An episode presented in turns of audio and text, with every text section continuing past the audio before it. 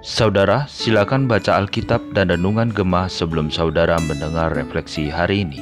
Shalom, saudara yang dikasihi Tuhan. Kembali kita berjumpa dalam refleksi Renungan Gemah. Mari kita berdoa terlebih dahulu sebelum kita membaca dan merenungkan firman Tuhan.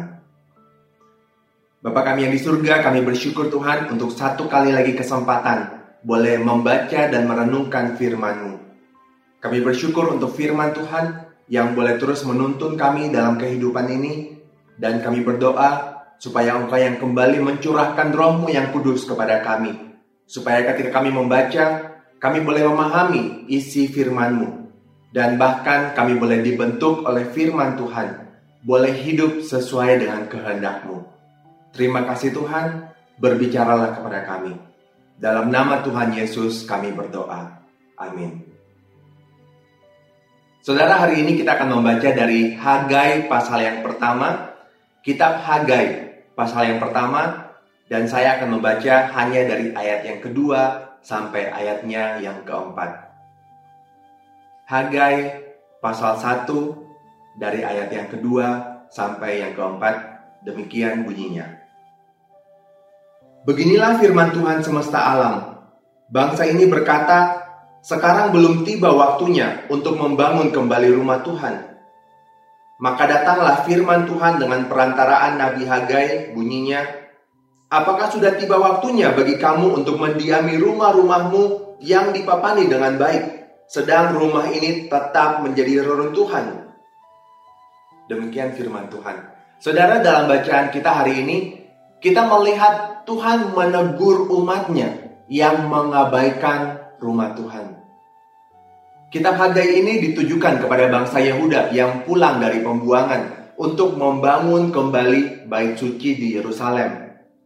Namun, karena ada pertentangan, pembangunan itu terhenti selama 14 tahun.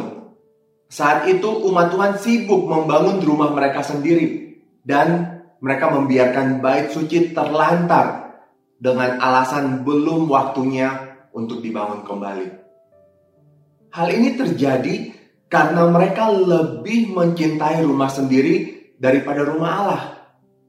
Mereka tidak menghormati Allah, dan karena itu dengan gampang mereka mencari alasan untuk mengabaikan rumah Allah. Saudara, dalam bacaan hari ini kita melihat bahwa Allah menegur umatnya melalui Nabi Hagai. Hagai menyampaikan teguran kepada dua pemimpin bangsa, yaitu Bupati Zerubabel dan imam besar Yosua.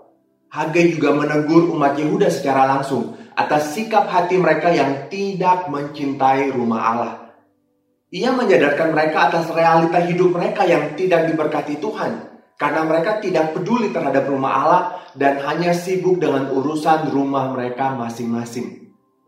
Namun, Hagai juga memberikan janji berkat dan janji penyertaan Allah kepada mereka.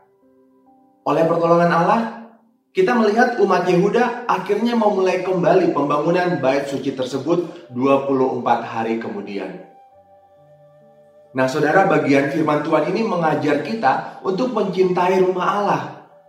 Umat Yehuda pada saat itu mewujudkan kecintaan kepada rumah Allah dengan membangun kembali bait suci. Bagi kita, Kecintaan kepada rumah Allah ditunjukkan dengan kerinduan hadir dalam ibadah bersama di gereja. Pandemi memaksa kita beribadah secara online dan kehilangan banyak berkat yang dapat diperoleh hanya melalui kehadiran fisik kita di gereja.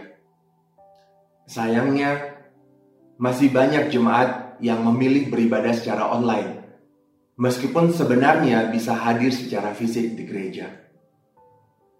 Pertanyaannya, apakah Anda rindu bertemu Allah dan umatnya di rumahnya? Selain itu, bagian ini juga mengajak kita untuk membangun gereja sebagai rumah Allah. Gereja bukan gedungnya, tetapi orang-orangnya. Rasul Paulus pernah berkata dalam 1 Korintus pasal 3 ayat 9 bahwa kamu jemaat adalah bangunan atau rumah Allah. Saudara, apakah kita mencintai rumah Allah dan karena itu rindu untuk membangun jemaatnya? Atau sama seperti bangsa Yehuda, kita sibuk membangun rumah sendiri dan membiarkan rumah Allah terlantar. Hal apa yang menjadi prioritas utama dalam kehidupan kita sekarang? Apakah kita mencari berbagai alasan untuk mengabaikan rumah Allah karena kita tidak menghormati Allah? Kiranya perenungan ini bisa kembali mengajak kita untuk mencintai rumah Allah karena kita menghormati Allah sendiri. Mari kita berdoa. Bapa kami yang di surga, kami bersyukur Tuhan, Engkau yang mengingatkan dan menegur kami ketika kami tidak menghormati Tuhan dan kami tidak mencintai rumahmu. Kami bersyukur dan pada saat yang sama kami mohon ampun dari Tuhan. Kalau selama ini kami mengabaikan rumah Tuhan dan kami hanya sibuk dengan urusan rumah kami masing-masing. Dan kami juga berdoa Tuhan mohon supaya Tuhan yang terus menolong kami. Supaya kami pun boleh mempunyai kerinduan untuk membangun rumah Tuhan. Untuk membangun jemaatmu. Biarlah Tuhan yang terus perlengkapi kami dan Tuhan yang pakai kami untuk membangun rumahmu. Terima kasih Tuhan. Sempurnakanlah firman-Mu ini dalam kehidupan kami masing-masing. Dalam nama Tuhan Yesus kami berdoa. Amin. Tuhan Yesus memberkati.